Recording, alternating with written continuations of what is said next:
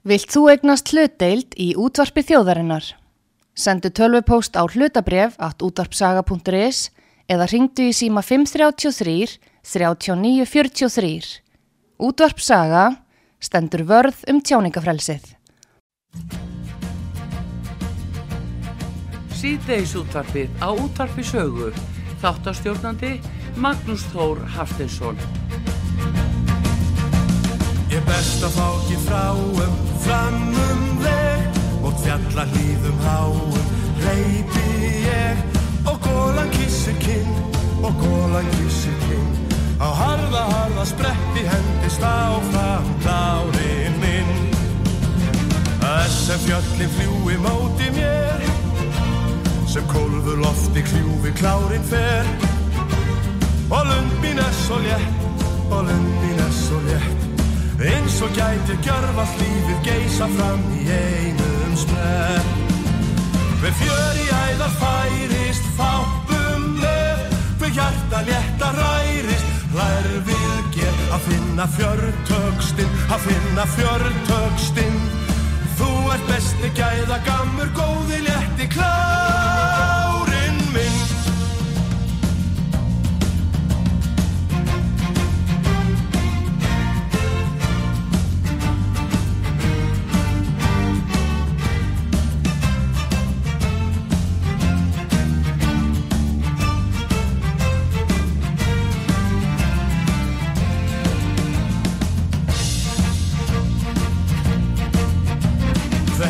liftir nakka Hvessir brá Og ringa reikinn makka Horfið á. Sko faxi flaksast til Sko faxi flaksast til. Grundin undir syngu söng Og sletti létti sófa spil En læn og spretti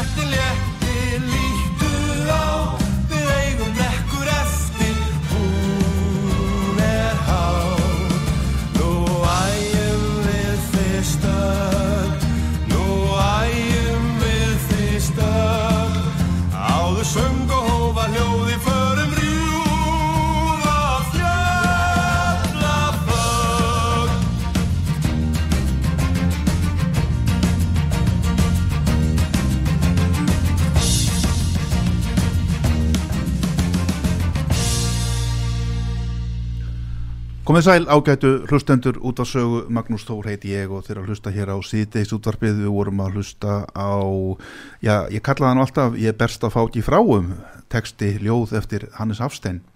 Helgi Björns söng. Hingað er komin til okkar annar Hannes Hannes Holmstedt Gísurarsson doktor, professor eh, Mér langaði til að spila þetta lag eða og, og reyndar að sagt uh, færa fram þennan texta þetta ljóð eftir, eftir nafnaðin heitin vegna þess að ég sá að þú hafður verið að skrifa grein um hann í morgunblæði mikla grein, það var 100 ára ártíð hans núna í, já bara hún í vikunni er það ekki? Einmitt og Hannes Hafstein held ég að sé einn af okkur merkustu stjórnmálamönnum en það sem ég nú áhuga á sem stjórnmála heimsbyggingur var í rauninni úr hvaða ranni, pólitíska ranni Hannes Hafstein kemur. Já, og ég held í fram að eh, hann eh, standi djúpum fótum í íslenskri stjórnmála arfleifð sem hafi í rauninni myndast með snorra styrlusinni vegna þess að það sem gerist í kringum 1220 er að það verður áreistur á milli gamla eh, hugafassins á Íslandi sem var að við ættum ekki að vera háðir neinum konungum og menn hefur flustinga til Íslands til þess að þurfu ekki að greiða konungu skatta og taka þátt í þeirra stríðsrestri og nýja hugafassin sem var að við ættum að treysta á náð konunga.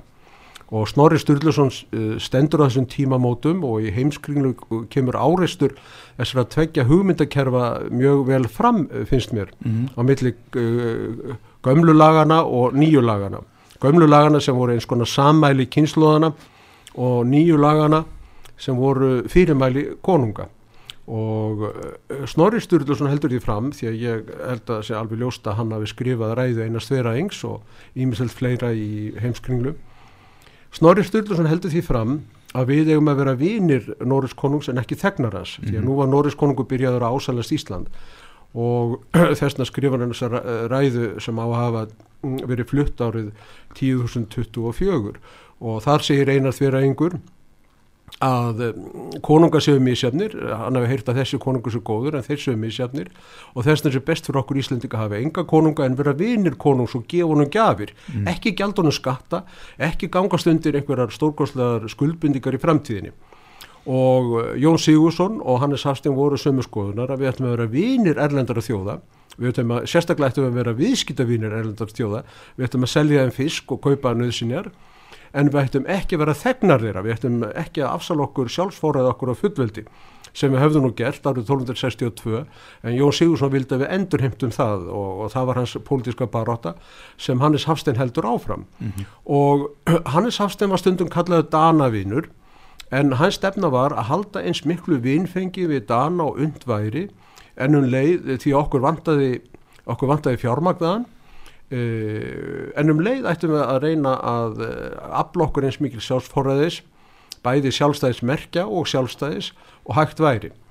Og ég held að hans stefna hafi verið alveg rétt og, og það hafi nú komið berligi ljós á heimistöðnatímabilinum vegna þess að eh, á sama tíma heimastöðin kemur til Íslands þá er líka stopnar Íslandsbanki með dönsku fjármagni, tveimur miljónum króna sem var alveg feikilegt fyrir á þeim tíma Já. og uh, þetta hjálpaði til á Sandlandsbankana veit að líka að velvæða flotan. Við höfðum verið að gera út á þýlskipum og árabátum uh, fram að því en nú fórum við að uh, að láta smíða tógara og vélbáta og þetta allir algjörum stakka skiptum í, í Íslandsögunni, þetta erlenda fjármagn sem stremdi inn í landið því að Hannes Hafstein áttaði sig á því ólíkt sem með öðrum sjálfstæðisetjum að við getum ekki lifað engungu á munvatni og fjallagrössum við þurfum fjármagn. Og þessna held ég að þessi stefna hans að vera vinir erlendar þjóðin ekki þegnar þeirra eh, reyna að fá erlend fjármagn án þess að verða háður öðrum, ég held að hún sé mjög skinsanleg og jarðbundin og raunsæð stefna. Já. Ertu, ertu þá sáttur við það hvernig þetta hefur verið að þróast? Ég hef nú haft svona ágjur að því sjálfur sko, hef við það nú hér í þáttum og útvarpi sögu. Mér finnst að við séum svolítið að missa tökin á okkar öðlindum. Okkur hefur borið gæfa til þess að hafa íslenskt eignarhald á sjávarútveginum. Hins vegar horfi ég svona með ákveðnum varhug á til að mynda fiskeldi í sjó í fjörðum hér við land og síðan þessi vindmiluvæðing sem vilist vera komin að fulla að vera það sem erlendir aðilar er að koma og ásælast íslenskar öðlindir þurfum við ekki að vera meira á vartbergi þarna Ég myndi svara bæði já og nei. Mm. Ég held að við ættum ekki að ganga lengra en við höfum þegar gengið í afsal okkur fullvild okkar og sjálfsforðið gagvart Brysilvaldinu. Nei. Uh, það hefur komið í ljós að um, Evróski efnaðsamningurinn samningurinn um Evróska efnaðsvæði hann er að mörgulita hagstæður. Hann opnaði okkur leiðin á Evrópamarkaðin og við þurftum á því að halda því að okkar uh, aðalatrið er að selja fisk og selja aðrar afurðir.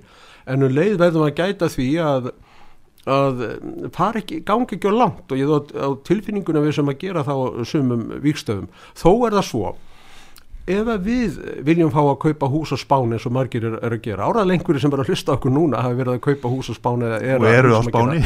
Já, já. E, þá mega auðvitað útlendingar líka að kaupa hús og jarðar á Íslanda mínum dómi en það þarf hins vegar að stilla þessu öll í hóf. Já, Eh, Þannig að við þurfum að fara að með gát en samt sem áður verðum við að, að bjóða útlendinga velkomna og vera sjálfur velkomnir í útlendum. Það þýðir hins vegar ekki að við eigum að opna landið upp á gátt fyrir fólki sem er okkur framandi og vill ekki þýðast eh, okkar menningu, okkar síði og okkar venjur. Alls ekki og við sjáum fordæmin á, á Norðurlöndum. Þannig að ég segi bjóðum alla útlendinga sem vilja vera raunverulegir Íslendingar, sannir Íslendingar, bjóðum þá velkomna en uh, ekki hinna sem eru bara að koma hingað til þess að leita að styrkjum eða til þess að fremja afbrot eða til þess að neyða upp á okkur sínum síðum. já, einmitt já. já, látum það gott heita ég vildi nú fá þig hingað til að tala við þig hér um nýjútkona bók þína um landsdómsmálið stjórnmálaröfjar og laga klækir þetta er uh, bók um mál sem kom upp í kjölfar hrunsins höstið 2008 þegar Geir H. Horti var dregin til ábyrðar á bankarunnu eins og stendur hér á baklið bókarinnar. Þú skrifar þessa bók núna tíu árum eftir að þetta landsdóms þessi réttarhald fóru fram í safnahúsinu. Sögulegur atbyrður í Íslandsögunni og það var ótrúlega að fylgjast með þessu. Þetta gerðist samt. Tíu ára liðin, akkur hefur enginn skrifað svona bók fyrir núna? Já, þetta er alltaf góð spurning hjá þér og ég hefði nú satt þess ekki velt þessu fyrir mér en ég held að það gæti einhverjar fimmni í hópi íslenskra lögfræðinga Já, sem þetta stæður nú kannski næst að skrifa um þetta vegna þess eins og ég bend á í, í bókinni að hér er uh, mjög voldug klíka, lögfræðinga klíka sem var lengjundu fóristu Markusa Sjúbjörnssonar en er núna kannski meirundir fóristu Robert Spano þetta er hópur sem að eh, ég kalla skólabræðarlægið þó ég ætla nú ekki að vera að setja fyrir hann eina samsæriskenningu því þetta er þetta lauslega tengdur hópur. En hann um, á greiða leið inn í uh, bæði lagadild og hæstarétt og ennbætti umbóðsmanns alþingis. Þetta er svona eins konar um, hringegja þar sem menn skiptast á að vera á þessum stöðum. Og þetta fólk vil fá að ráða því hverjir hljóti dómarembætt á Íslandi og ein af ástæðinu til þess að sumir dómarar voru gramir Geir Horti var að hann hafði sem mm, ráðherra ekki lotið þeirra vilja. Til dæmis var það svo, eins og ég bend á í, í, í bókinni, að tveir af dómurunum í landsdómi, Egert Óskarsson og Eirikur Tómasson, voru menn sem hefðu sótt um hæstarétta dómara embætti sem Geir sem settur dómsmar á þeirra hafði veitt og hann hefði ekki veitt þeim það. Mm. og þeir hafa áræðilega ekki kunnað honum miklu þakkir fyrir það. Og þessi hópur sem að hvað upp enn dóm, er að segja undir fóristu Markusar og Eiríks Tómassonar eh, hann eh, er þessi eðlis að eh, aðri lögfræðingar vilji ekki styggjan, það eru engungu svona, við getum sagt um, lögfræðingar sem komnur á eftirlaun sem þóra að gaggrína þennan hóp því annars fá þeir ekki embætti og, og verkefni í lögfræðingarstittinni, held ég. Nú vil ég ekki ganga langt í þessu og um, ég held líka að þetta sé kannski ekki vísvitandi hlutregni uh, vegna þess að svo margt í lífin er þannig að menn er ekkit vísvitandi að gera neitt af sér en það verður til ákveðu hugarfar og uh, menn leita ákveðnum atriðum og, og, og hjá lögfræðingun verður til svona tilfinning fyrir því að það sé ekki skinsanlegt að ráðlegt fyrir þá sem higgja á frama í uh, lögmannastjéttinu og hjá lögfræðingum að styggja þessara dómara uh, klíku, þessar lögfræðinga klíku. Og þetta sé þá ástæðan fyrir því að þetta mál hefur svona haldið hverju leið í, já, líkumenni við að segja í þagnargildi í allan þennan tíma. Já, það er önnur ástæða kannski til þess líka og hún er svo að margir af þeim sem að vildu ákæra Geir Horti, Já, ég held að þeir skammi sín fyrir það í það er dag. einmitt það sem ég ætlaði að nefna, eru menn með samvinskupitt. Já, ég hugsa það vegna þess að þeir átta sig á því að í fyrsta lagi að uh, hvað sem að mannum fannst um sög eða sagleysi ráðamanna í bankarhununu þá er eiginlega enginn sem andmælir því að það hefur verið ósangjant að, að leggja allar byrðarnar, alla ábyrðina Mm. á herðar einu manni. Mm -hmm. Jafnlótan verið fórsetisráð þeirra. E, sumir vilja, vildu ákjara eh, marga, e, aðri vildu ekki ákjara neitt, en það er nánast enginn sem vildi bara ákjara geir einan, en það fór það svo í atkvæðgreislinu á þingi að það voru bara tveir menn sem greitu atkvæðin ákvæðin eins og þetta fór sem var að e, geir einnirði ákjærður en e, hinnir e, ráþeirarnir sem áttu sem að tillega var upp um að ákjæra sem voru Ingi Björnsson og Gísladóttir og Árnið Mattísson og Björgungi Sigursson Mhm. voru ekki ákjært, það voru bara Nei. tveir sem að greitu atkvæða þann vega þetta er svona þannig að þetta er ekki að kalla þetta vilja alþingis og margir af þeim sem uh, greitu atkvæði með um, ákjæru þeir í dag uh, telja að þetta hafi verið misráði hjá þeim. Ég satt að segja spurði alla þá sem ekki höfðu þegar líst yfir afstöðu af þeim sem vildu ákjæra hvort er þau skiptum skoðun. Og það kom í ljós að af, af þeim voru aðeins 20 sem vildu áfram standa við það að ákjæra ger horti 20 af þeim 33 sem höfðu uh, verið uh, greitt atkvæði með í ákjæran þannig að það var minnskusti 13 manns skiptum skoðun af Þú spurður þá þegar þú varst að vinna þessari bók? Já, ég, ég Já, sendi þeim öllum bref Já. og sumir þeirra svöruðu mér og Mhm. aðrir um, svöruðu mér ekki og ég kaus að telja þeir sem að svöruðu mér ekki þeir vildu áfram ákjæra geir með mm. nú Mhm. eðlilt að halda svo sé og svo eru sumir sem vildu uh, hefðu skipt um skoðun uh, og, og þetta var sem sé niðurstaðan að af þeim 33 sem greita atkvæði með því árið um, 2010 að uh, ákjæra gerhorti 28. september 2010 þeir uh, hafa margir þeirra skiptum skoðun og í dag myndi þessi ákjæra ekki hljóta meirultafylgi á alþingi. Nei, nei, einmitt. En það, það mér langar til þess að bæta þið við að, að, að, að það sem að menn sjá kannski er hversu ákjæran var á veikum rökum reist það sést nú eiginlega kannski best á því að Geir var síknaður af öllum efnislegum ákjærum mm það sem gert var, var hafa, það var nú eh, tveimur ákjæraðliðum vísað frá að þeir voru taldir of óskýrir.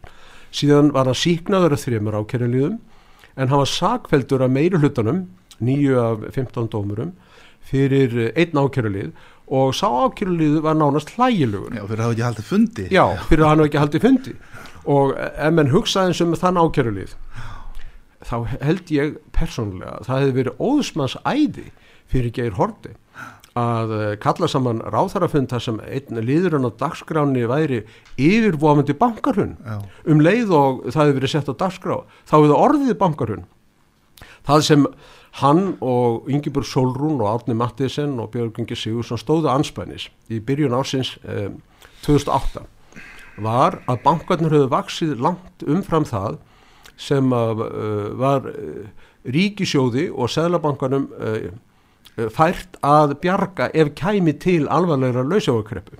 Síðan kom til alvarlegra lausafurkreppu og þá gerist það líka að allir okkar vinur og bandamenn þeir neyta hjálp okkur. Mhm. Uh, eitt af því sem að mér fannst skrítið við skýslu ránstæðanemndar alþingis var að uh, það er ekki reynd að leita skýringa á, á þeim furðulugu staðrindum í fyrsta lagi að bandaríkjaman ákvaðu að neyta Sælabankarum íslenska um sömurlösa fyrirgerslu og hann veitti Sælabankum uh, Noregs, Danmerkur og Svíþjóðar. Já, og í öðru lagi að ríkistöld breska verkamannaflokksins neitað að veita þeim tveimur böngum sem voru í eigu Íslendinga sömu lausjáfara aðstóð og ríkistöldin veitti öllum öðrum breskum böngum og það virðist að fara fram hjá uh, rannsóknarnefndinni að með þessu var uh, breytastjórn sennilega að brjóta uh, ákvæði Rómasáttmannans uh, sem breyta voru þetta aðilaður að Evrópasambandinu og Evróska efnarsvæðinu ákvæðinu um það að það mætti ekki mismun eftir þjóðurni vegna þess að það var tímalust mismunin eftir þjóðurni að neyta bara breskum böngum í eigu Íslendinga um fyrirgreyslu en veita öllum öðrum breskum böngum fyrirgreyslu. Þegar um, bankastjóri Kaupþings ringdi í Hector Sands sem var fórstöðum að fjármáleftilísins og baðum þessa lausafið fyrirgreyslu þá sagði hann bara þetta fyrir er ekki ykkur ætlað nei, og ég er aldrei hissa því að menn skulle ekki hafa tekið þetta mál upp já og þetta skulle hafa verið fram hjá uh, ráðstofnefndinni. Menn hafa kannski verið svona barðir eftir þessar ófærir að þeir hafa reynilega ekki dreist sér í það eða hvað Ég held persónlega Já. að það sem að gerðist var það að rannsóknarnefndin hún uh, uh, nálgaðist uh, málið með fyrirfram mótaða skoðanir eða öllu heldur fyrirfram mótaða verkefni og það var að finna sökudólka. Mönnum fannst að hlita vera þegar annaðins áfall yrði og þegar bankarnir hrundu bara allt í einu sem, og þessi menn sem hefur verið þjóðhetjur okkar uh, stóðu skyndilega uppi slipur og snöður að hlita vera einhverjum að kenna.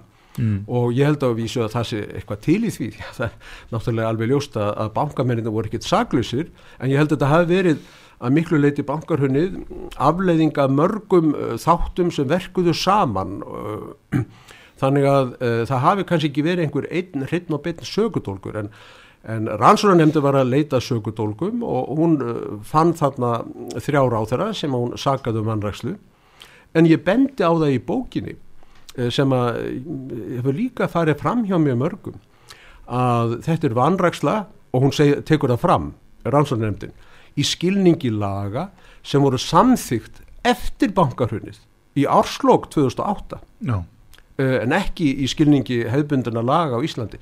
Þannig að rannsóknarnefndin beitti lögum afturvirkt til þess að geta sagaður á þeirrana um vanrækslu því að hún fann ekki neitt uh, lögbrót hjá þeim. Það, er, það er sjálf og sér stjórnarskar brot ekki svo Já, ég myndi segja það því að menn eiga rétt á því að vera dæmdir til lögum sem eru í gildi þegar að þeir sjálf, þetta er það sem stóði réttaríkinu já, refsiverð hátsemi já, já, um, þannig að uh, mér varst þetta daldið, einkennilegt hjá, hjá, hjá rannsónanemdini og hjá þingmannanemdini og þetta er svona kannski fleira og fleira fólki verða ljóst.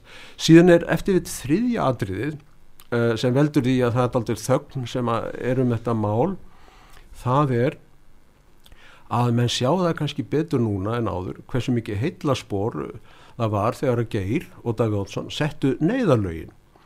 Hvað gerðu þið með neyðarlögunum? Mm -hmm. þeir takmörkuðu ábyrð uh, ríkisós að það er með skattgreðenda og uh, uh, Sælabankastjóri Írlands sagði við Geir Horti þið gerðu allt rétt. Við gerðum allt rámt vegna þess að, Írar og margar aðra þjóðir teimis, uh, á Kýpur og víðar þeir sitja núna uppi með mjög miklar skuldir.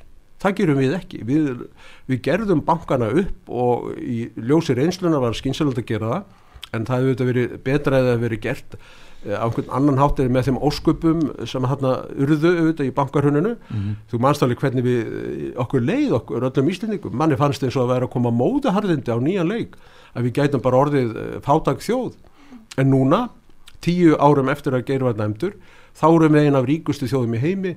Við erum með minnstu fátakt mælanlega eftir öllum alþjóðaskíslum í heimi. Við erum með jöfnustu tekjudreifinguna og hér er til dæla mikil friðsælt þó að þessi er kannski ógnað einhverju leiti þannig að uh, við, við sluppum mjög vel út úr þessu uh, uh, þessum ósköpum. Við vorum ótrúlega fljóta að ná okkur út úr þessu Já, við vorum það mjög. og það er dálítið til í því í bankarunum sjálfu voru sumur að gera gís að íslenska máltækinu. Þetta reddast en eh, við hefum nú verið ótrúlega heppin, þetta reddaðist og, og ég held að við þurfum kannski að spyrja okkur þeirra spurningar hvers vegna reddaðist þetta allt? Þetta reddaðist vegna þess að undirstöður aðrunulífsins voru mjög tröstar og það sem hefði gerst á áran 1991-2007 og Geir Horta hafði verið mikið þáttakandi í með Daví Olsson og fleirum var að hér jó, var, jógst frelsi hér var til arðbær og sjálfbær eh, sjávarútvögur hér ferða, ferðamanna þjónusta sem er með þeirri fjölbreytni sem henni fylgir e, orgu lindirnar mm -hmm. og ekki síst mannauðurinn hér í kringum okkur ef við bara aukum um Reykjavík þá sjáum við víða lítil sprótafyrirtæki sem að kannski 5-10 starfsmenn eru í og þeir eru að framlega alls konar hluti eh, ekki aðeins tengda sjáurútvegi eða, eða innaði heldur hugvit eða margvísluðu tægi þannig að við höfum mjög mikið mannauð Íslandingar og, og við þurfum að nýta okkur það. Mér langar hins vegar til að bæta kannski einu við um orkulindunar hugsaðu það að uh, árið 2008 þá uh, komu þau hinga til Íslands Willem Bauter og Ann Siebert mm -hmm. og það var mjög mikið vittnað þau síðan sem mikla spekinga hver var nú þeirra tillaga? Þeirra tillaga var að ef allt um þriti þá ættu ríkið að taka risastórt lán erlendis með, og, og setja að veði veðsetja orkulindunar ja. þetta var þeirra tillaga mm -hmm. og fram eftir ári voru margir Eh, sem að töldu að það, við ættum að bjarga bengunum með að taka stóru lána elendis.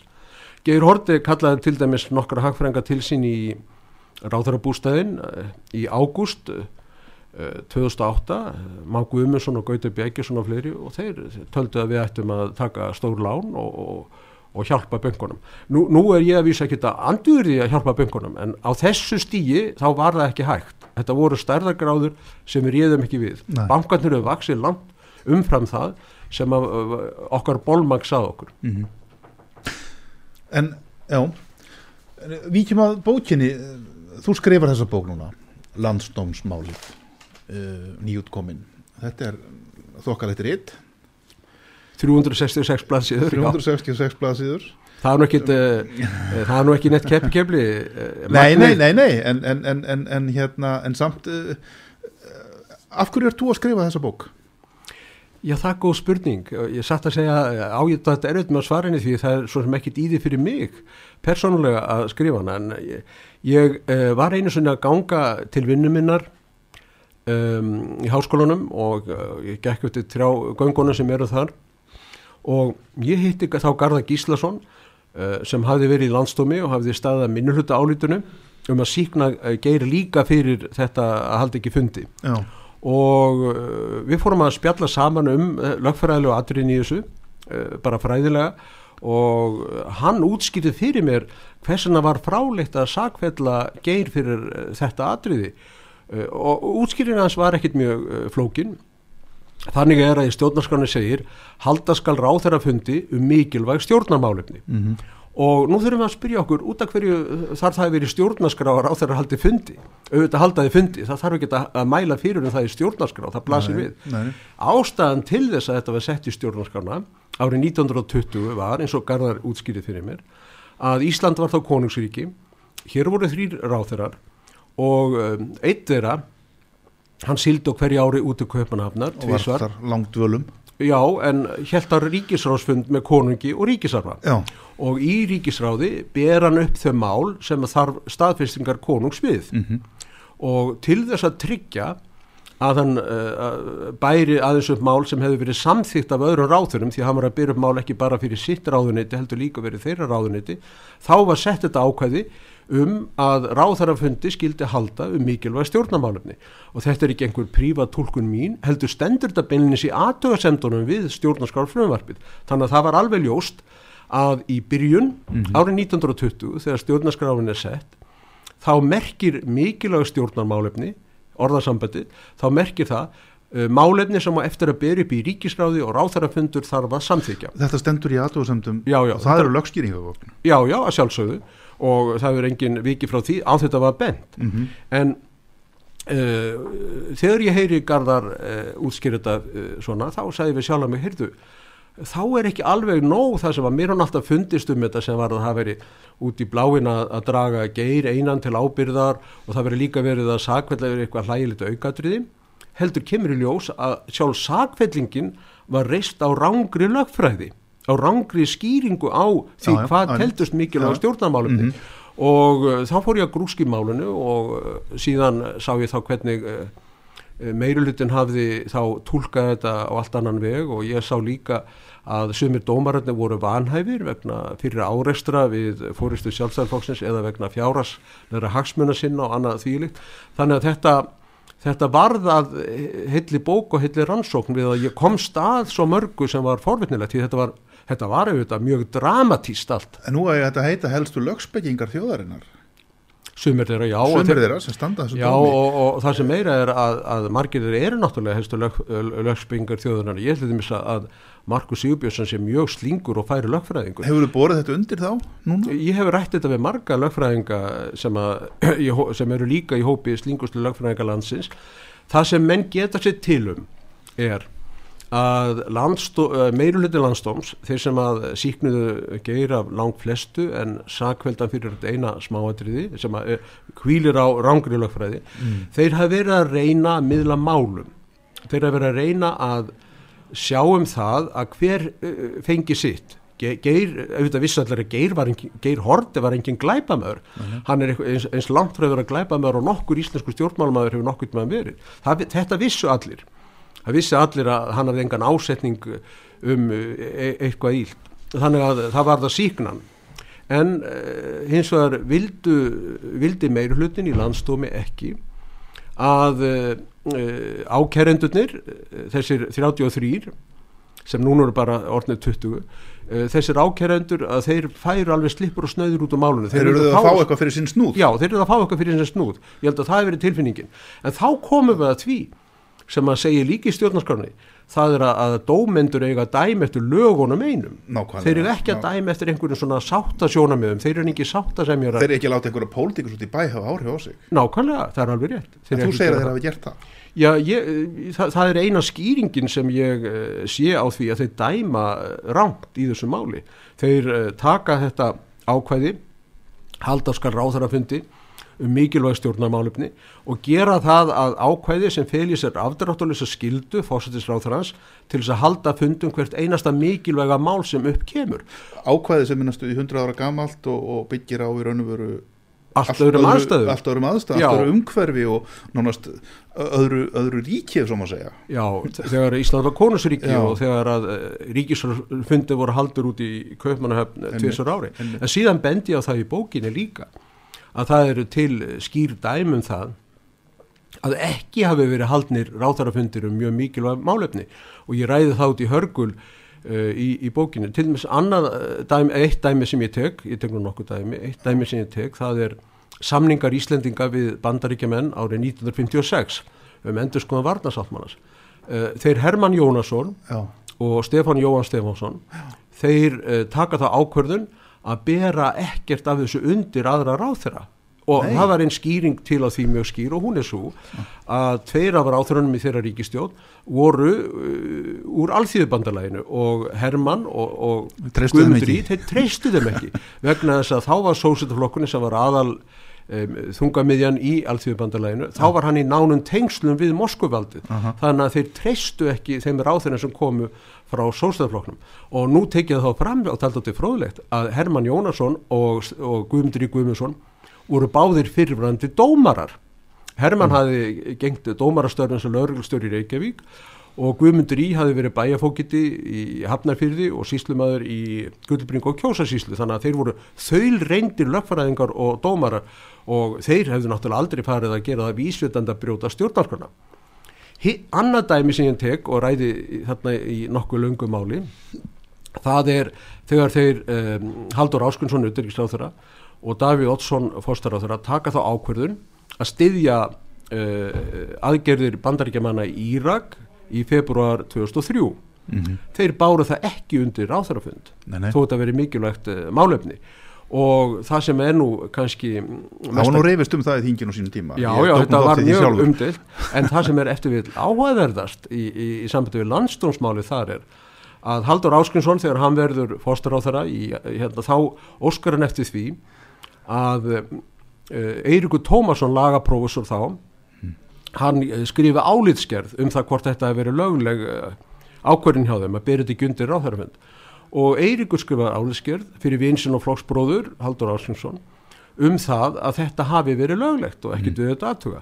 Síðan sest sami Eiríkur Tómasson í landstóm uh, árið 2012 og sakfellegi er horti fyrir að byrja ekki yfirvóðandi bankarhun undir uh, ráþarafund.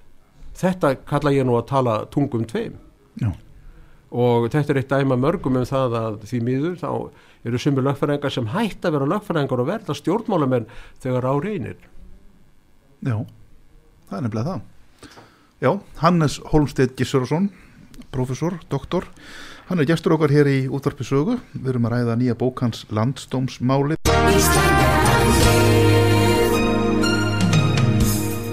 Styrtareikningur útvarpsögu í Íslandsbanka á Granda.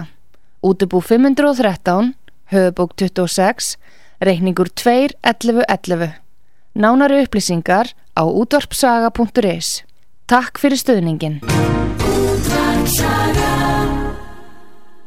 stjórnmálarefjar og laga klækir sem er nýkomin út mjög áhugaverð spjallur eða að segja við þurfum að taka smá hlýjan og koma aftur í smá stund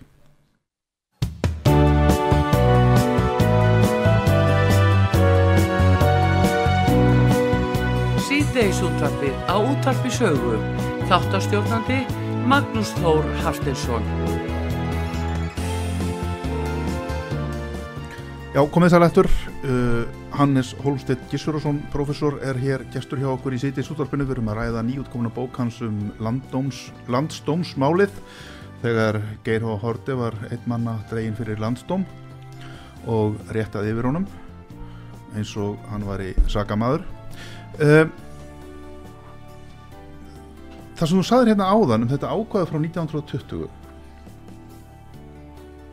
Nú er ég ekki lögfræðingur en ég veit þó allavega það að mikilvæg lögskýringagögn eru þar aðtóðasendir sem koma fram við frumvörp þegar verið er að semja frumvörp og jafnvel þingræður og annað eru notaðar til dæmis að þegar dómarar er að eh, hérna ákveða hvort að menn séu segir eða saklusir eða jafnvel ákveða refsingar eða eitthvað þess áttar skilur uh, Nú voru þessi menn í þessum dóm þeir voru allir, eða margir þeir allavega sprenglerðir, ekki satt lögfræðingar. Samt sem áður þá kjósaður að fara þessa leið. Já, Mér þeir, finnst það, sem leikmanni finnst mér þetta heila alveg með ólíkindum. það finnst mér núna líka en það fannst nú mörgum þetta mjög skrítið að sakfella geirfyrir haldi ekki fundi. En ef við skoðum nú þetta ákvæði halda skar á þeirra fundi mikilvæg stjórnamálefni eh, þá gætu einhverju sagt og við skulum spreita okkur þeim uh, rökum að uh, ákvæða hefur breytt um merkingu eftir að ákvæða var sett eins og við vorum að ræða hér áðan eh, þegar að ráþæra, einn ráþæra af þrejum þurft að fara á fund konungs til þess að halda ríkisjónsfund og, og byrju fyrir hann málefni. Já. og þá þýtti þetta bara þau málefni sem uh, þarf að byrju fyrir konungi ríkisráði. En uh, við stopnum líðveldi 1944 og, og hinn hefðbundna skýring uh, og svo sem Garðar Gíslason og Bindit Bógason sem sömdu þetta ágæta minnuluta álit sem er lögfræðilega mínundómi rétt og mjög vel raukstuð þeir halda því fram að þá hafi þetta orðið mikilvæg stjórnamálefni hafi merkingin verið málefni sem uh, atbeina fórseta þar við og Já. það eru mörg málefni sem eru þannig það eru til mis milliríkja samningar embætta veitingar uh, stjórnarfrumverf þau eru borin fram með samþykki fórseta og síðan auðvitað lög. Þannig að uh, mikilvæg stjórnarmálefni merki beinlinis þau málefni sem að atbeina fórseta þar við og það er hinn eðlilega skýra og þraunga merking.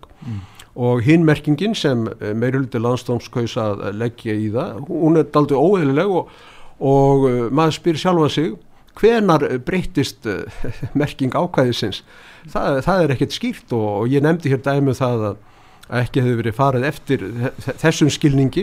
Nei, en síðan uh, má bæta því við að þetta auðvitað var uh, mikið rætt í landstómi og hvað gerist þar?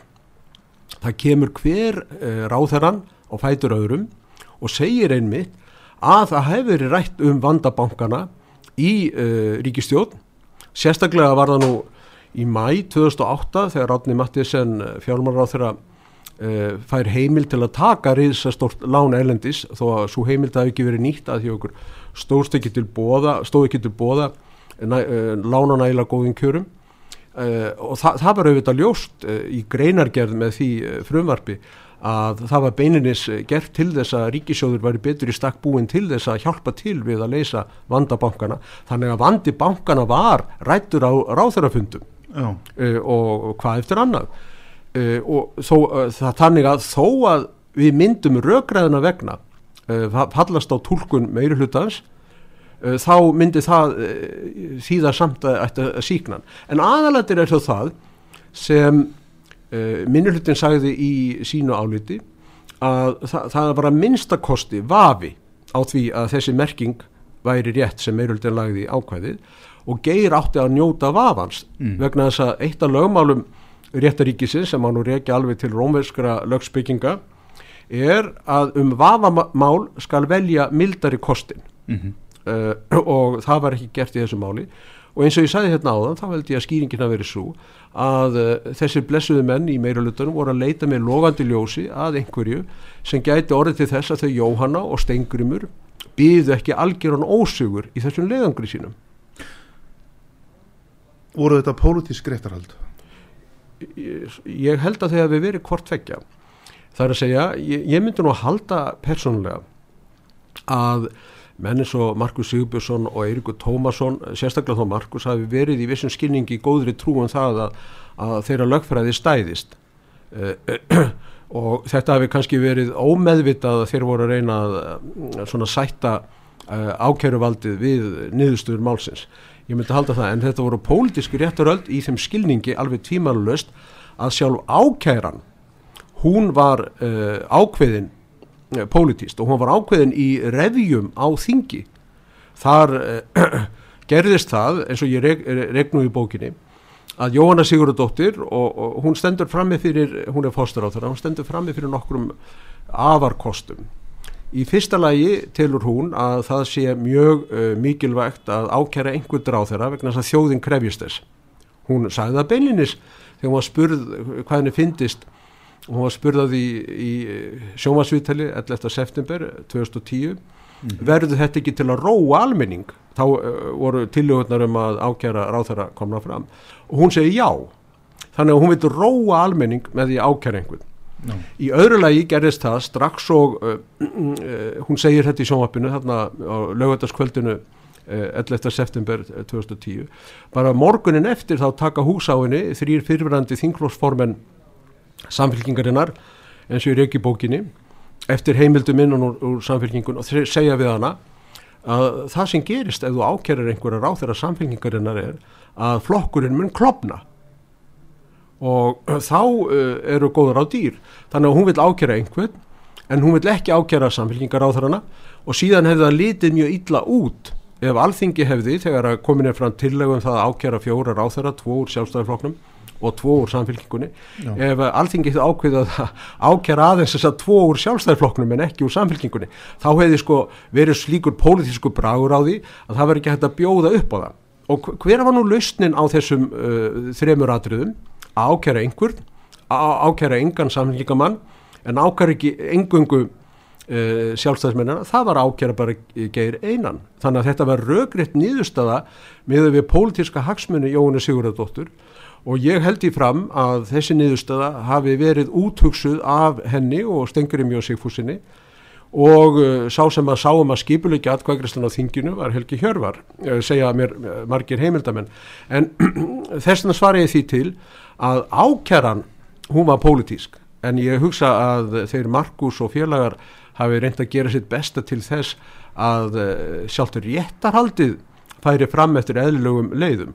Og það má auðvitað segja það að í réttarhaldinu hafi margt af því sem mm, misfórst í málsmeðferðinni verið leiðrétt því að þar fekk geir vissulega tækifæri til að verja sig og til þess að kalla til uh, ráðherra í ríkistjórninni og aðra og hvað bar þeim samanum? Það er aldrei mikilvægt að áttum okkur að því. Hvað sögðu allir þeir sem að báru vittni í landstámi? Í fyrsta leið sögðu allir ráðherrarnir að uh, vandi bankar oft verið rættur í ríkistjórn þannig að það átt að síkna hann bara þeirra ástæður en í öðru lagi sögðu allir það var ekki takt að gera neitt annað en það sem Geir gerði Össur Skarpinsson kom til dæmis í landstóm og hann sagði ég hef ekki hitt einn einasta mann sem hefur getað sagt hvað Geir hefði átt að gera til þess að minka bankana eða til þess að afstýra þessum vanda. Mhm. En var þá ekki bara hagstætt fyrir geir að þessi réttarhald fóru fram? Já, það var náttúrulega það sem gerist í réttarhald Spilum voru lögð á borðið og, og, og þetta var rætt Já, það er nú eiginlega ekki hugmyndin Já, það er nú ekki hugmyndin atrið Já, það er nú ekki hugmyndin með ákærum að það er svo svona spurningaleikur þar sem uh, menn svo spurðir, dómarinn sem spurðir uh, um málið. Venjan er svo að þú, uh, sko ákæra Já. er ein sér mjög alvarleg. Það er ákæru refsiverða hátsemi. Já. Þetta er ekki bara ákúrur. Við getum sagt til dæmis að, að skýsla rannslanefndarinnar, hún var til dæmis meinlaus í þeim skilningi að þar voru bara svona aðfinnslur sem höfði engin svona réttar áhrif. En þegar þú ert ákærður um refsiverða hátsemi, þá ertu leittur fyrir dóm og það, þessi krafist eh, að þú verðir dæmdur í fangilsi eða, eða til greiðslu hárra sekta. Það er mjög alvarlegt mál Já, já. og uh, síðan kostar það alveg stór fjö og menn getur orðið gjaldrútt af því þannig að, að uh, það hefur verið lítið svo á að menn eigi rétt á því að mál þeirra séu rannsökuð og ágera sig aðeins gefin út ef menn eru þeirra skoðunar ákjæru valdið að meiri líkur en minni séu á sakvellingu og þa þar held ég að þingbendir hafi brugðist þessir 33 sem greitu atkvæði með því að ákjæra ger horti að þeir um, það gati ekki verið að verða að meta það svo að líkurnar á, á sakvellingu veri meiri en á síknu en það kom í ljós að það var síknar í öllum megin atriðum Áttu við að það ekki verið farið fram einn almenni rannsókn á því hvort að þessar ákjæru, þessi ákjæru atrið ættu verið okkar stiðast Nákvæmlega. það sem uh, gerðist var að þingmannanemdin hún vanrækti það mm, sem að hún hefði átt að gera sem var að láta framkvæma Akkurat það sem hún gerði, þingmannanemdin hún uh, var að styðast engungu við skýslu rannsóknarnemdarinnar en uh, skýsla rannsóknarnemdarinnar átti bara að vera tilrönd til þess að skýra bankarunnið Einmitt. en alls ekki sakamálaransókn þeir voru ekki hlutverki saksóknara eða dómara. Þetta var ekki rannsóknarlega teimi sem var að skoða málin einmitt, alveg laugrétt, alls ekki.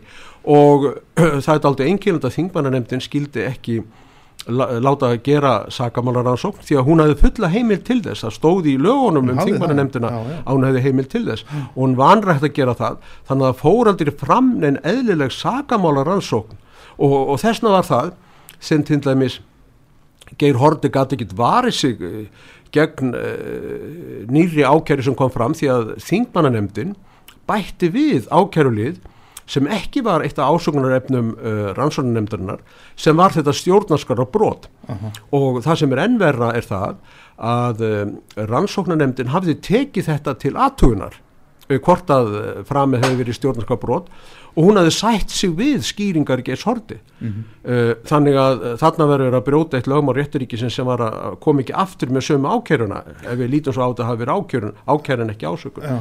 og uh, uh, Geir gæti ekkit vitað þegar hann svarar uh, þingmannanemdinu um konum finnist aðfinnsluvert í skýslu rannstæðanemndirinnar að þetta yrði síðan ein viðbótin að hann hefði ákærður fyrir stjórnarskapbrót sem rannsóðanemndin hafði horfið frá að ásakan um og það fer þá að minna dálítið á skaldsögu Kafka réttarhöldin þar sem Jósef uh, K. hann veit aldrei fyrir hvað hann ákærður nei, nei. Og Geir vissi ekkit uh, í raun og veru fyrir hvað hann var ákærður. Hann gæti ekkit varið sér gegn því.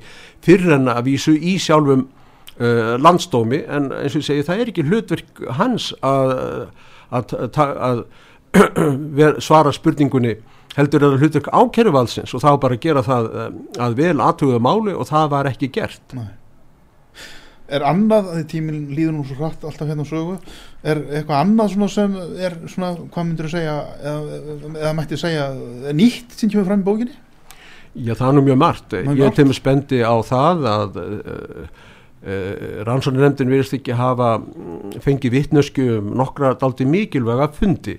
Sko, rannsóknarnefndin uh, lagði allt og mikið upp úr fundum að mínum dómi. Uh, en sleppin því í bíli... Rannsóknarnefnd alþingi sem skrifaði stóru Eh, Nei, rannsóknarnefnd, uh, já, já, alþingis, já, já, einmitt, já, já.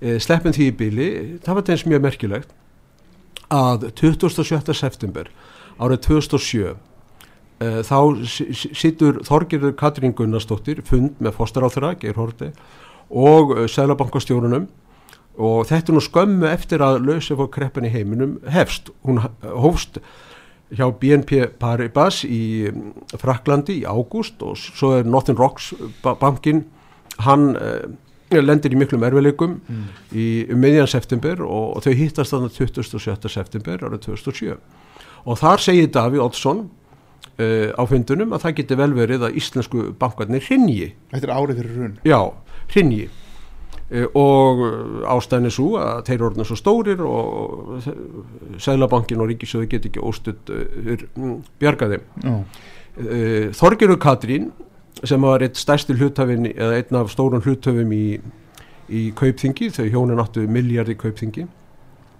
hún andmælur honum mjög harkalega og það kemur til senn á millið þeirra á fundinum uh, síðan uh, mánuði setna sækja þau hjónin um það að geta flutt sínar fjáraskuldbundingar í kaupþingi úr uh, personu sinni yfir í enga hlutafélag og það nú þurfti þá sérstaklega undan háu frá reglum kaupþings.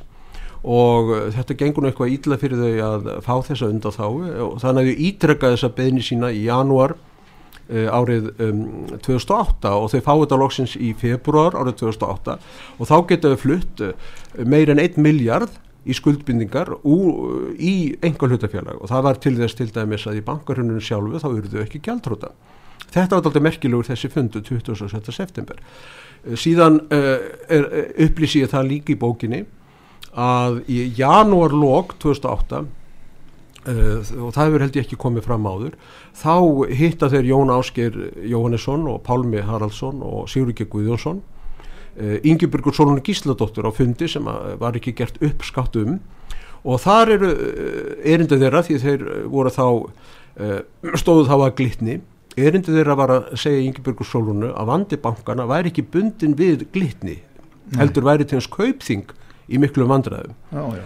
Og uh, ég veit ekki til þess að Ingeborg Sólun hafi sagt uh, rannsóknarnemdini frá uh, þessum fundi og hann er aldrei merkilegur af annar ástæðu sem er svo að rannsóknarnemd alþingis lagði mikla áslað það að Davíð Oddsson hefði varað við bankarhunni uh, 7. februar 2008 og þá sérstaklega til greint að bæði kaupþing og glitnir væri miklum erfileikum vegna þess að menn treystu þeim ekki elendis en Ingeborg Solrún hún afgriði það bara eins og hún sagði sjálf sem útaustur eins manns hún tók ekki viðvaranir Davís alvarlega Mhm.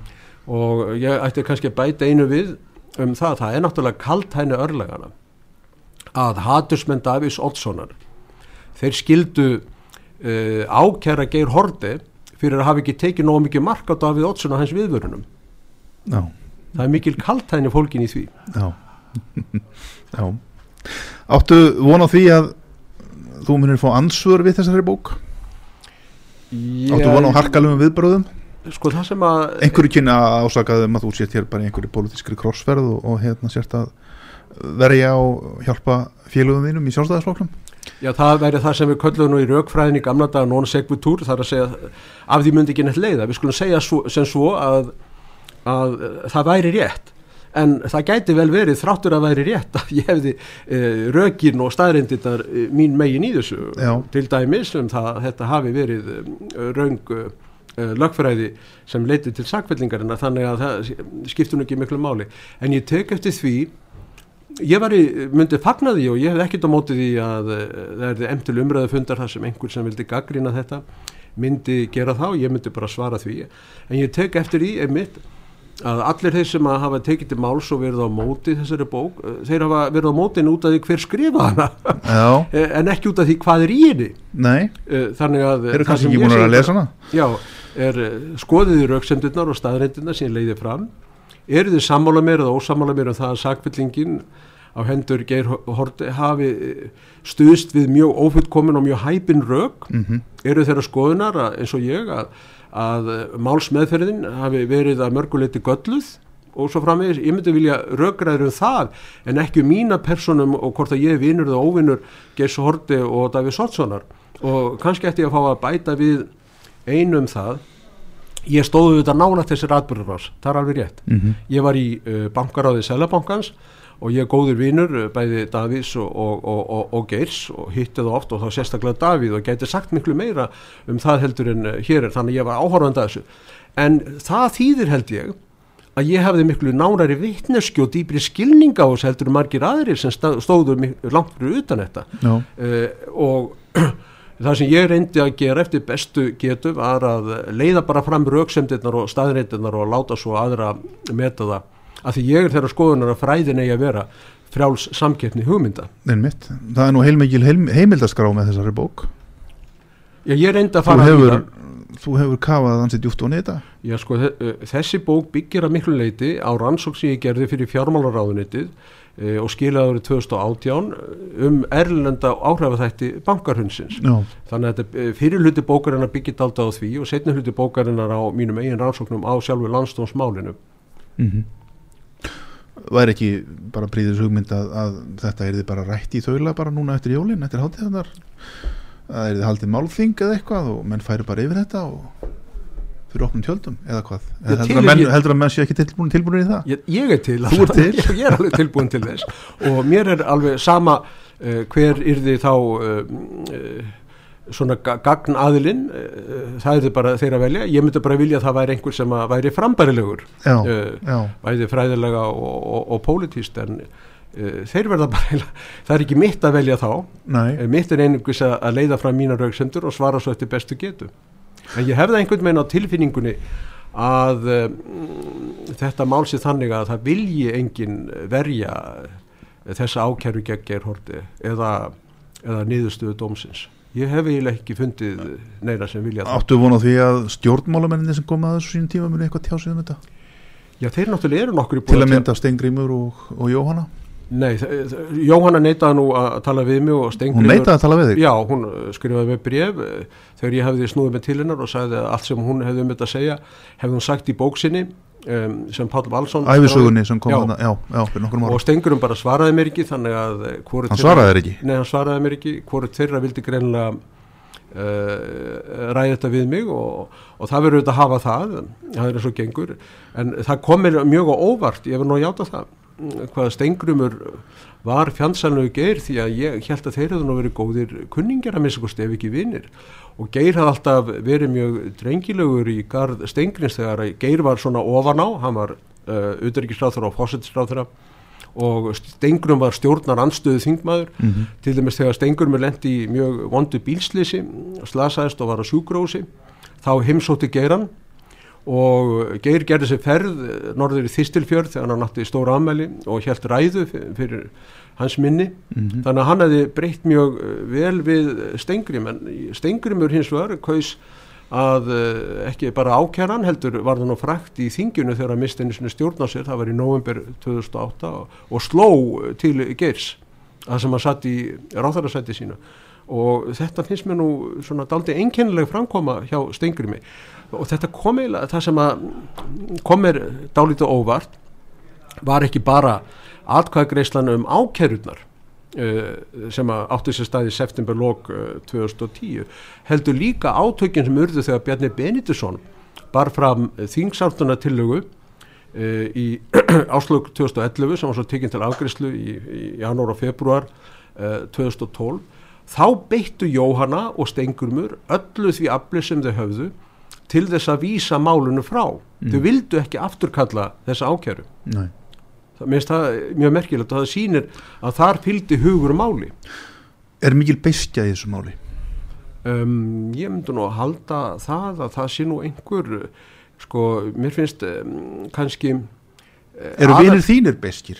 Já, sko, aðalatriðið eru auðvitað að geir var síknaður af öllum efnislegum ákjæruliðum Já, en eftir stendur að hann var sagfældur fyrir hlægilegt aukatriði sem að byggða á rángri lagatúlkun og mér finnst það ennþá vera fleitn í holdi eh, þjóðarinnar að það skildi gerast. Og annað sem að ég ætla að benda á þetta er náttúrulega er í fyrsta skipti sem nokkur ráþara hefur verið dregin fyrir landstón Ólafur Lárasson uh, lagaprófessor, hann kendi sínu nefnendum eins og eitt er að rifjað upp í bladagrein sem að skrifaði að þessu tilefni að uh, það ætti engunga ákjæra menn ráþara í landstómi fyrir alvarlega sakir eins og landráð Já, en geirirurinn ákjærði fyrir að halda ekki fundi mm. um uh, mál sem er mjög eldfint mál og hefði ekki verið rétt að halda fundum þannig að e, það er alveg rétt hjá þér að, að mönnum finnst mörgum og það er á mögul mér að Geir hafi verið beittur ránglæti Já. og þó hann hafi vísu verið gerður að senda hér í Washington og síðan hafi hann með eh, að fylgi allra Norðurlanda og allra Íslandsalt ríkja orðið fulltrúið þessari ríkja í stjórn Alþjóðabankans þá finnst mörgum að eh, hlutur hans hafi ekki verið að öllu leiti réttur Nei Er það rétt munið það með að það er bara einn þingmaður sem hefur beðist afsökunar? Nei þeir eru nú nokkrir en Nokkrir. þeir eru kannski ekki beðist afsökunar mjög mikið ofinberlega en þó til þess Magnús Orri Skraman gerði það nú um Hann gerði daginn. ofnbærlega, Já, já, hann gerði það. fréttum og Augmundur Jónasson, hann náttúrulega skrifaði grein uh, árið 2012 og sagði að þetta hefði verið illt verk sem að þeir hefði framið þarna og það verið algjörlega ránglátt að draga uh, Geir Horti einan uh, fyrir dóm persónulega fyr- fyrir, fyrir bankarhönnið. Hann auðvitað, sem svona vinstri maður, hann auðvitað heldur fram að það veri nýfrjálsíkjan sem hefði valdið uh, bankarhönninu og hann má alveg hafa þá skoðun. En ef svo var eh, þá var þetta aldrei erfitt að, að eh, leiða hann á sagborningabekk því hún er hugtak en ekki persóna. Já, þannig að uh, hann og fleiri tóku bara undir það að þetta veri rángleiti þetta væri ránglæti Já, það er nefnilega það. Já, Hannes Holmstedt Gissurason við erum fallin á tíma. Takk fyrir skemmtileg spjall. Mín var ánægjan, og gleðileg jól. Sömuleiðis. Takk fyrir ágættu hlustendur. Við ætlum að gera hérna smá hlje en til okkar koma í næsta þátt hér á eftir Þeir Ómar Ragnarsson og Friðjóður Helgason. Það hefur sjálfsagt mikið fjör. Ekki fara langt. Blessi Bili